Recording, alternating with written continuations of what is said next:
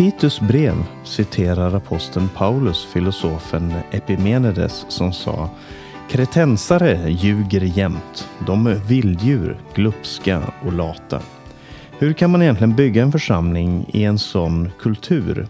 Det är frågan som besvaras i Titus brev som jag ska försöka ge några nycklar till idag. Jag heter Paulus Eliasson och du lyssnar på Radio Maranata.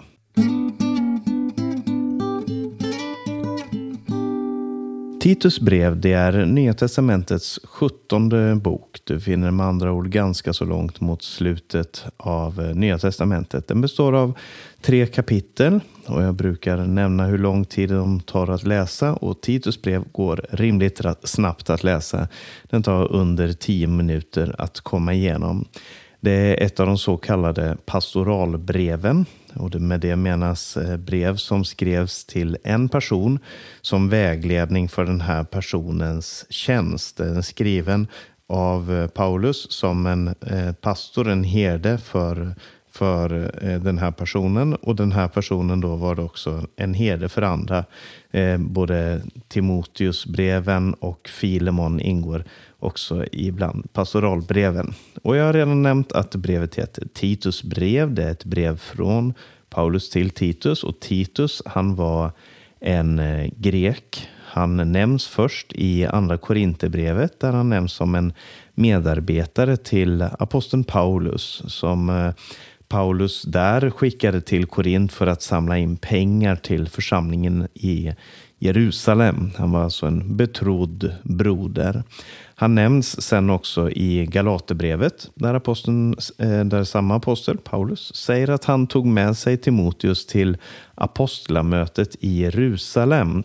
Det var ju så att man hade ett möte i Jerusalem för att avgöra om det var så att eh, troende hedningar behövde omskära sig.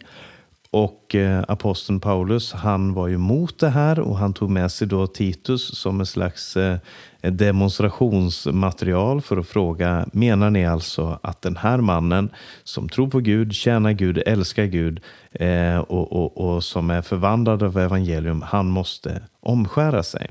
Och han fick ju också rätten på sin sida i det mötet. Eh, men i det här brevet, och han nämns förresten också i andra Timoteus brev ska jag nämna. Men eh, i det här brevet, då, Titus brev, det handlar om att Paulus hade skickat Titus till Kreta, som ju är en stor ö i Medelhavet som idag också är känt med samma namn. Och det är ju en del av Grekland. Och han säger så här i första kapitlets femte vers. Eh, aposteln Paulus säger, jag lämnade dig på Kreta för att du skulle ordna det som återstod och i varje stad insätta äldste efter mina instruktioner. Det här är vad som var uppdraget. Eh, det var kontexten att det fanns många städer på Kreta som hade kristna församlingar eh, där det bodde kristna. Det, hade ju, det här är ju en ö där som många reste igenom, även kristna då. Då evangeliserade man och det startades församlingar där. Men de var oorganiserade och de saknade också ledare, några ledare där. Därför så hade då Paulus skickat Titus dit för att han skulle insätta ledare. Och Kreta var en väldigt speciell plats och det ska vi komma tillbaka till. Jag nämnde ju här att eh, Epimenides som anklagade dem för att vara lögnare, vilddjur, glupska och lata. Eh, och vi ska nämna mer om det lite senare i programmet. Men författaren, det är som jag har nämnt aposteln Paulus. Det är eh, ett av de, en av de brev som är omdiskuterat i modern bibelforskning eh, om huruvida han faktiskt är författaren. Men argumenten som förs mot hans författarskap, eh, de kan verkligen inte välta omkull det enstämmiga historiska vittnesbördet, alltså alla genom historien som har, som, och, och framförallt de tidiga källorna då, som vittnar om att det är Paulus som har skrivit det här. Och sen textens egna påstående om att Paulus är författaren så kan man vara rimligt säkra på att det är han som ligger bakom det här. Ehm, och när är det här skrivet? Ja, antagligen mot den senare delen av Paulus tjänst i alla fall. Ehm, någon gång mellan 62 och 66 efter Kristus. Antagligen är det skrivet mellan första och andra Timoteus brev. Och vad handlar det här brevet om? Jo, det, man skulle kunna säga att den stora frågeställningen är hur ska man kunna leva som en trofast och sann lärjunge till Jesus på ön Kreta? Och vem ska kunna leda de församlingarna som är där? Det är den stora tematiken. Och nu ska vi gå in i texten.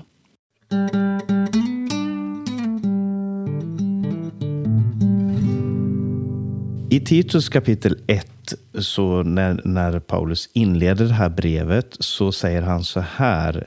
Eh, och hans inledningar kan, är ofta väldigt viktiga därför att han, han eh, ger där vissa ord som kan vara viktiga för att förstå hela texten. Och han säger så här. Från Paulus, Guds tjänare och Jesu Kristi apostel, sänd att föra Guds utvalda till tro och insikt om den sanning som hör till Guds fruktan och ger hopp om evigt liv. Detta eviga liv har Gud, som inte kan ljuga, utlovat från evig tid. Och när tiden var inne uppenbarade han sitt ord genom den förkunnelse som anförtrotts mig på Guds, vår frälsares, befallning. I den här texten så finns det två eh, ord som kan vara värt att lägga märke till. Det ena är sanning och det andra är ljuga. Alltså han säger vi, har, vi är sända att föra Guds utvalda till tro och insikt om sanningen, Eh, verkligheten. Eh, och den har vi fått ifrån Gud som inte kan ljuga. Och jag sa att jag skulle nämna lite mer om Kreta därför att Kreta var känt i romarriket som en lögnens plats. Öns stora näring var legosoldater, alltså soldater som man kunde hyra. Och om man kan hyras så kan man nästan inte vara lojal, utan då, då måste man sälja sig själv till högstbjudande. Och det här hade skett många gånger i historien att Kreta hade bytt sida i en konflikt. Och det var inte länge sedan när Paulus skrev det här som man än en gång hade bytt sida i en konflikt. Och det fanns ett eget ord på grekiska som var att vara kretensisk som betydde att vara en lögnare, var som de på Kreta. Eh, och vad kom det här av att man hade fått den här kulturen? Jo, Kreta ansågs vara födelseplatsen för Zeus, eller Zeus, eh, som är grekernas stora gud. Och, och eh, de, de, var väldigt stolta över att den här ön var Zeus eh, plats och man tillbad Zeus där. Han är den store guden. Och vad var Zeus för en karaktär? Jo, han var en notorisk lögnare och lurendrejare. Som gud han var så ljög han, bluffade och gjorde allt möjligt för att tillfredsställa sig själv och sin stora sexuella aptit. Det kan du läsa om i grekisk mytologi. Och de här myterna, de levde man efter och de formades man efter. Därför att saken är den att man blir som de man umgås med och man blir framför allt som den man tillber. Och lever man i ett samhälle där lögn är en dygd så blir man formad efter det. Och det blev man på Kreta. Och det här influerade också församlingarna därför att man tänkte att ja, men, om det är så Gud presenteras i den tro som vi kommer ifrån så är väl det antagligen sant om den Gud som vi tjänar idag. Men Paulus han säger här i den här texten vi talar om sanningen som vi har fått ifrån Gud som inte kan ljuga. Guds karaktär är att han inte kan ljuga. Och det är viktigt att komma ihåg att om Gud inte kan ljuga och vi tjänar Gud så har lögn och falskhet ingen plats i Guds församling. Och med det här som utgångspunkt så talar han då om de här ledarna som han ska eh, insätta i församlingen. Och vad för slags människor ska de vara? Ja, så här säger han ifrån den sjunde versen i första kapitlet. En äldste ska vara fläckfri, en enda kvinnas man, ha troende barn som inte kan beskyllas för att vara vilda eller upproriska. Församlingsledaren ska som Guds förvaltare vara fläckfri. Han får inte vara självgod, inte häftig, inte missbruka vin, inte vara våldsam eller girig, utan gästfri, godhjärtad, förståndig, hederlig, gudfruktig och behärskad. Han ska hålla sig till lärans tillförlitliga ord så att han både kan uppmuntra med sund undervisning och tillrättavisa motståndarna. Och det är bara människor som är formade av Gud, som är formade av korset, av Jesus Kristus, som kan vara med och forma andra för att bli lika denne Gud. Kretensarna de hade blivit formade av sina gudar och sina ledare. Och gudarna i, i, i grekisk mytologi, vad gjorde de? De drack, de ljög, de var giriga, de var häftiga, de var självgoda. Och därför så säger han, en, en Guds tjänare, en som vill tjäna Gud, han ska inte vara självgod, inte häftig, inte missbruka vin, inte vara våldsam, inte vara girig. Eh, vi ska Låt oss formas av vår egen Gud. Och det här behövs ju absolut också idag. För därför att vi reflekterar alla den Gud som vi säger oss och påstår oss att tjäna. Och ledare mer än några andra. Alltså om man ska leda församlingen så ska man, även om det finns ju naturligtvis ingen som är perfekt, det finns ingen som är utan fel. Men när det gäller just det här att välja församlingsledare så måste det vara människor som reflekterar Gud, som är formade av Gud, som kan visa att Gud har gjort ett verk i mitt liv där jag som person har förändrats till att bli någonting annat än det som jag var tidigare. Eh, och Han säger att de ska kunna tillrättavisa motståndaren, de ska uppmuntra och de ska kunna tillrättavisa motståndarna därför att det fanns motståndare. Det fanns lärare som hade kommit till de här församlingarna som hade väldigt alternerande motiv i sin förkunnelse. De behövde bli tillrättavisade. Det var de som var judaister som menade att man skulle hålla sig till judiska myter, mytologiska historier som också menade att man behövde omskära sig eller hålla eh, olika matlagar och så vidare. De här lagarna som gällde för Israel. Och eh, men deras stora problem var det som han säger i den sista versen i första kapitlet. De försäkrar att de känner Gud, men med sina gärningar förnekar de honom. De är avskyvärda, trotsiga och odugliga till varje god gärning. Och en nyckel till att förstå Titus brev det är att se alla gånger som man talar om god gärning. Vad är det att göra en god gärning? Därför att man kan förneka Gud med sina gärningar. Det är det den här texten säger. De försäkrar att de känner Gud, men med sina gärningar förnekar de honom. Och man kan antingen bejaka Gud eller bekräfta Gud med sina gärningar eller så kan man förneka honom. Och det är viktigt att komma ihåg och det kommer komma tillbaka i resten av den här texten också. I eh, andra kapitlet så talar aposteln om den troende familjen, eller han talar om både unga och gamla. Han undervisar äldre män och kvinnor, han undervisar yngre män och kvinnor och han undervisar till och med de som lever som slavar. Eller rättare sagt, han säger till Titus att han ska undervisa dem. Han säger att äldre män ska vara nyktra, värdiga, förståndiga, sunda i tro, kärlek och tålamod. Äldre kvinnor ska på samma sätt bete sig som det anstår de heliga, inte sprida skvaller eller missbruka vin. Det är ju helt klart att eh, det verkar som att eh, eh, det var ett stort problem på Kreta och det var det rent historiskt sett. Men det kanske också var ett problem i församlingen med fyll och vin. När det både nämns att äldre män ska vara nyktra, det står att äldre kvinnor ska, ska inte missbruka vin, det står om äldstebröderna i församlingen, att de ska vara nyktra. Ehm, och, och, eh, de unga männen står det ska visa gott omdöme. Det här var någonting som, hade, som hotade att förstöra församlingen och göra det till någonting som Gud inte hade tänkt att det skulle vara. Och han uppmanar till och med de som lever som slavar att eh, de ska vara föredömen, att de ska, att de ska tjäna helhjärtat. Eh, och, och, och, så säger han för att de ska i allt är en heder för Guds, vår frälsares lära. För att det är det som det handlar om, att människor som står utanför eh, ska se vad det betyder att vara en kristen. Att de ska se att det finns ett annorlunda liv att leva. Att det finns någonting större att leva för. Och Eh, om man beter sig illa, säger han, om vi, om vi beter oss illa så, så, eh, så föraktar människor budskap. Så kommer de att förakta den Gud som vi tjänar. De har ju redan sina gudar som beter sig illa. Behöver de en till sån? Nej, det behöver de inte. De behöver någonting som är annorlunda. Och vad är det som är annorlunda med församlingen? Jo, det är evangelium.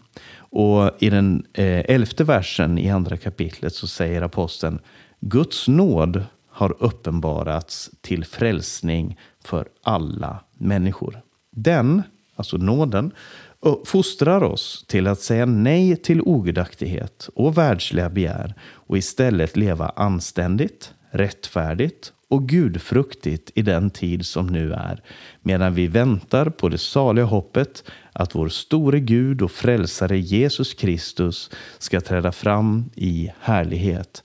Han har offrat sig för oss för att friköpa oss från all laglöshet och rena åt sig ett eget folk som är uppfyllt av iver att göra goda gärningar. Så det är inte lagen som uppfostrar oss. Det är inte eh, moralismen som uppfostrar oss. Det är inte våra egna, vår eget samvete som ska uppfostra oss. Det är inte det som ger oss kraft till att leva ett nytt liv. Utan det är Guds nåd som fostrar oss att säga nej till ogudaktigheten. Det är det här som, som är evangelium. Att Gud har, genom att Jesus dog för oss, visat oss sin nåd. Han har friköpt oss från laglösheten. Han har renat åt oss.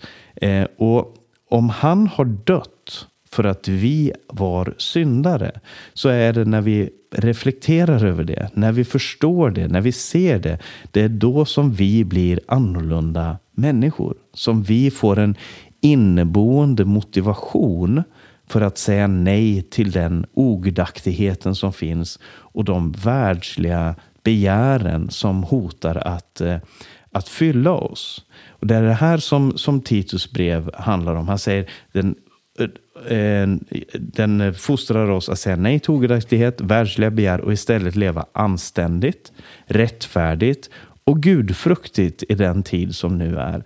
Det är det liv som vi lever här på jorden. Och sen medan vi väntar på det saliga hoppet. Det finns ett hopp som vi ser fram emot. Så församlingen är bärare av en kraft. Eh, det är nåden. Det är den kraften som fostrar oss. Det är den kraften som leder oss till helighet. Eh, vi, vi har fått en uppenbarelse. Eh, det är uppenbarelsen av Gud vår frälsare som, som dog för oss. Guds nåd har uppenbarats. Alltså när Jesus dog så uppenbarades Guds nåd för alla människor. Och nu kommer evangeliet som förkunnelse och säger Guds nåd finns där. Det finns en kraft i den här nåden. Eh, och, den här, eh, och, och, och, vi är kallade att leva ett liv där vi väntar på det saliga hoppet. Vad är det för någonting? Att vår store Gud och frälsare Jesus Kristus ska träda fram i härlighet. Det är församlingens hopp. Så vi har en eh, evangelium handlar om Jesu Kristi död och uppståndelse som, som leder till en nåd som förvandlar oss så att vi kan leva gudfruktigt i den tid som nu är medan vi väntar på det saliga hoppet. Det är, det är de här komponenterna som finns i evangelium och man kan inte ta bort någon av dem och fortfarande ha ett fullt evangelium. Om Jesus har dött för att vi är syndare så är det vår motivation. Heligheten den springer alltid fram ut ur korset. Det är alltid korset som är helighetens start. Det är inte vår egen motivation, vår egen vilja, vår egen förmåga på något som helst sätt, utan det är korset som är helighetens utgångspunkt. Han har offrat sig för att rena oss. Vi behöver komma till Golgata kors. Så kommer det tredje kapitlet och här fortsätter han att, eh, fortsätter han att tala om de här eh, det här nya livet som vi ska leva. Han säger påminn dem, alltså alla i församlingen, att de ska underordna sig och lyda myndigheter och makthavare och vara redo till varje god gärning. Att inte förolämpa någon utan vara fridsamma och tillmötesgående och alltid visa vänlighet mot alla människor. Eh, därför att evangelium skapar nya människor. Det är helt klart. Och de här människorna, de är inte kulturkrigare och bråkmakare. Men de är heller inte assimilerade och likformade. Det är, en, det är en, en eh, skillnad där. Vi är inte kallade att vara rebeller och revolutionärer på den här världens sätt. Utan vi är kallade att vara annorlunda människor som lever ut evangelium i vårt samhälle, i vår värld och därigenom kallar människor till omvändelse. Och med det menar jag inte att man ska sluta förkunna och bara leva ett kristet liv och så kommer alla förstå och så kommer alla vilja bli frälsta. Eh, det är en ganska naiv inställning. Men när man förkunnar och när man talar om Jesus, när man förklarar evangeliet, då måste det åtföljas av en livsstil som står i stil med det man säger. Om det är så att Gud har förvandlat oss. Därför att en del människor kan vara väldigt annorlunda på ytan men samtidigt kontrolleras av de samma drifterna som alla andra på insidan. Alltså man har ett religiöst yttre, men det som är drivkraften på insidan det är pengar, det är makt, det är sex, det är alla de här sakerna som vem som helst strävar efter. Och om vi inte har någonting annat att erbjuda, om vi inte kan visa i våra liv att evangelium har gett oss någonting större, någonting annat att kämpa för, någonting annat att leva för, någonting annat att hoppas på Alltså, om vi inte kan visa att Guds nåd har uppenbarats och att vi väntar på att Gud ska, eh, ska träda fram i härlighet, då betyder det ingenting. Och det här kommer göra att världen föraktar oss och säger att ja, men, då spelar det ingen roll om jag tror eller inte tror. Medan andra människor, och det är de han kallar oss att vara, som kan vara, se lika ut på ytan, som till det yttre kan verka som att ja, men, det här är vanliga människor som lever i det här samhället, som går på jobbet, som, som gör sitt arbete och så vidare. Men som kontrolleras av evangelium om Jesus på insidan. Det är det som driver människor till korset. Och eh, han har en väldigt vacker dikt här i, i eh, det sista kapitlets eh, fjärde vers och framåt som jag tänkte att jag skulle läsa här i avslutningen också. När han säger så här. Men när Gud, vår frälsare, uppenbarade sin godhet och kärlek till oss människor. I förra kapitlet talar han om nåden eh, som uppenbarades. Man säger, när, Gud, när Gud var frälsare uppenbarade sin godhet och kärlek till oss människor frälste han oss. Inte för rättfärdiga gärningar som vi hade gjort utan på grund av sin barmhärtighet. Han frälste oss genom ett bad till ny födelse och förnyelse i den heliga Ande som han rikligt utgöt över oss genom Jesus Kristus, vår frälsare, för att vi ska stå rättfärdiga genom hans nåd och bli arvingar med hopp om evigt liv. Och Det här skulle jag verkligen rekommendera om du läser den här texten och fortsätter att, läsa det här. Och som sagt, eh, det tar inte mer än tio minuter att, att läsa igenom Titus. Eh, men stanna gärna till inför den här texten i tredje kapitlet och, och gå igenom den. Du ser här treenigheten. Gud vår frälsare, den helige Ande, Jesus Kristus vår frälsare. Eh, de, de här, hur de här tre samarbetar. Guds eh, eh, Fader, Son och helige Ande som samarbetar för att vi ska stå rättfärdiga genom hans nåd och bli arvingar med hopp om evigt liv. Det är, det är verkligen, som han säger här, det är ett ord att lita på. Och jag vill att du med kraft inskärper det. Och det här är evangelium. Det är det här som förkunnas i varje brev. I varje, varje gång som apostlarna öppnar munnen så är det evangelium de förkunnar. Om de talar om hur man ska leva heligt på Kreta eller i Korint. Om de talar om eh, hur Titus ska komma till rätta med, med sina problem. Eller hur Filippeförsamlingen ska komma till rätta med sina problem.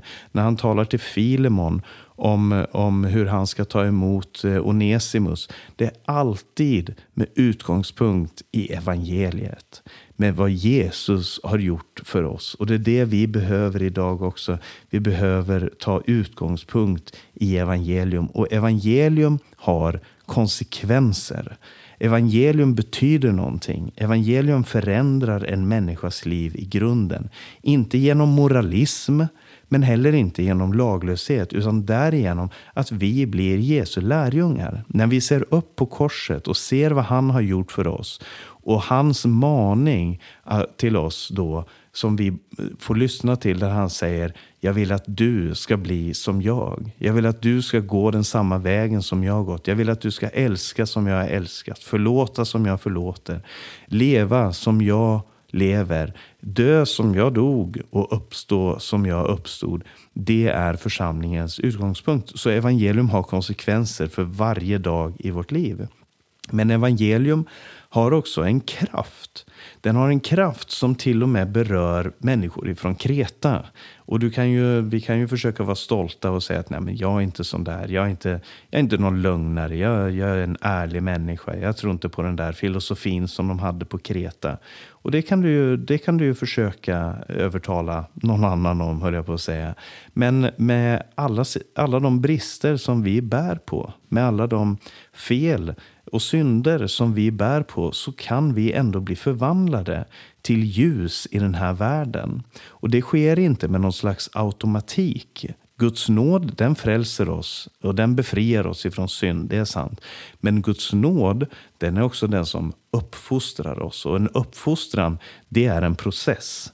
Det är, en, eh, det är ett sätt som, som, där Gud arbetar med oss. Det är en nåd som uppfostrar oss. Och den nåden den verkar också genom människor som Gud kallad till tjänst. Det är därför som Titus var där, för att hjälpa några. Och de som han hjälpte skulle i sin tur hjälpa församlingen. Och församlingen skulle då leva ut evangelium i den här världen. Och det är faktiskt aktuellt för oss, också nästan 2000 år senare, att stå, kunna stå här och säga Detsamma gäller för oss idag. Och så avslutar aposteln Paulus det här med hälsningar. Han säger jag ska sända Artemas eller Tychikus till dig. Eh, skynda dig att komma till mig i Nikopolis. Juristen Senas och Apollos ska du utrusta och så vidare. Han ger några personliga hälsningar i slutet av det här brevet och så avslutar han brevet med nåden vare med er alla. Och det får vi säga till varandra också. Nåden vare med oss alla.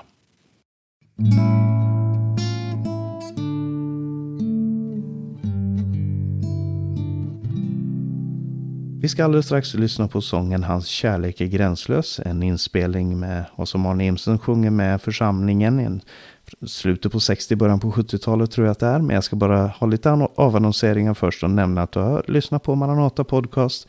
Jag heter Paulus Eliasson. Det här programmet har sänds över Stockholm och Örebro närradio. Var gärna med och sprid de här programmen också. Du kan komma i kontakt med oss via e-post info maranata.se eller telefon 070-201 60 20. Sprid Guds välsignelse till alla du möter och på återhörande.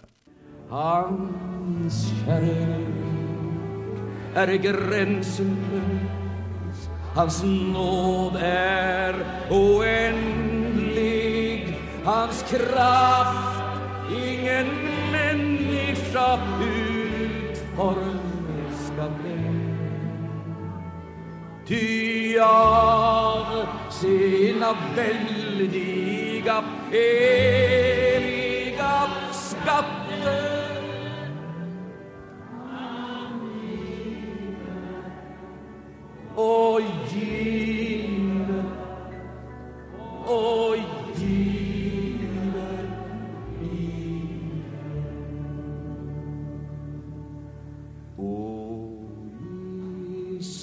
för dig. Vill jag öppna mitt hjärta. I tro ta emot av de skatter du ger. Och sedan ge ut ty ju mera jag ger så strömmar välsignelsens flod ännu mer. Hans kärlek är gränslös, hans nåd är oändlig, hans kraft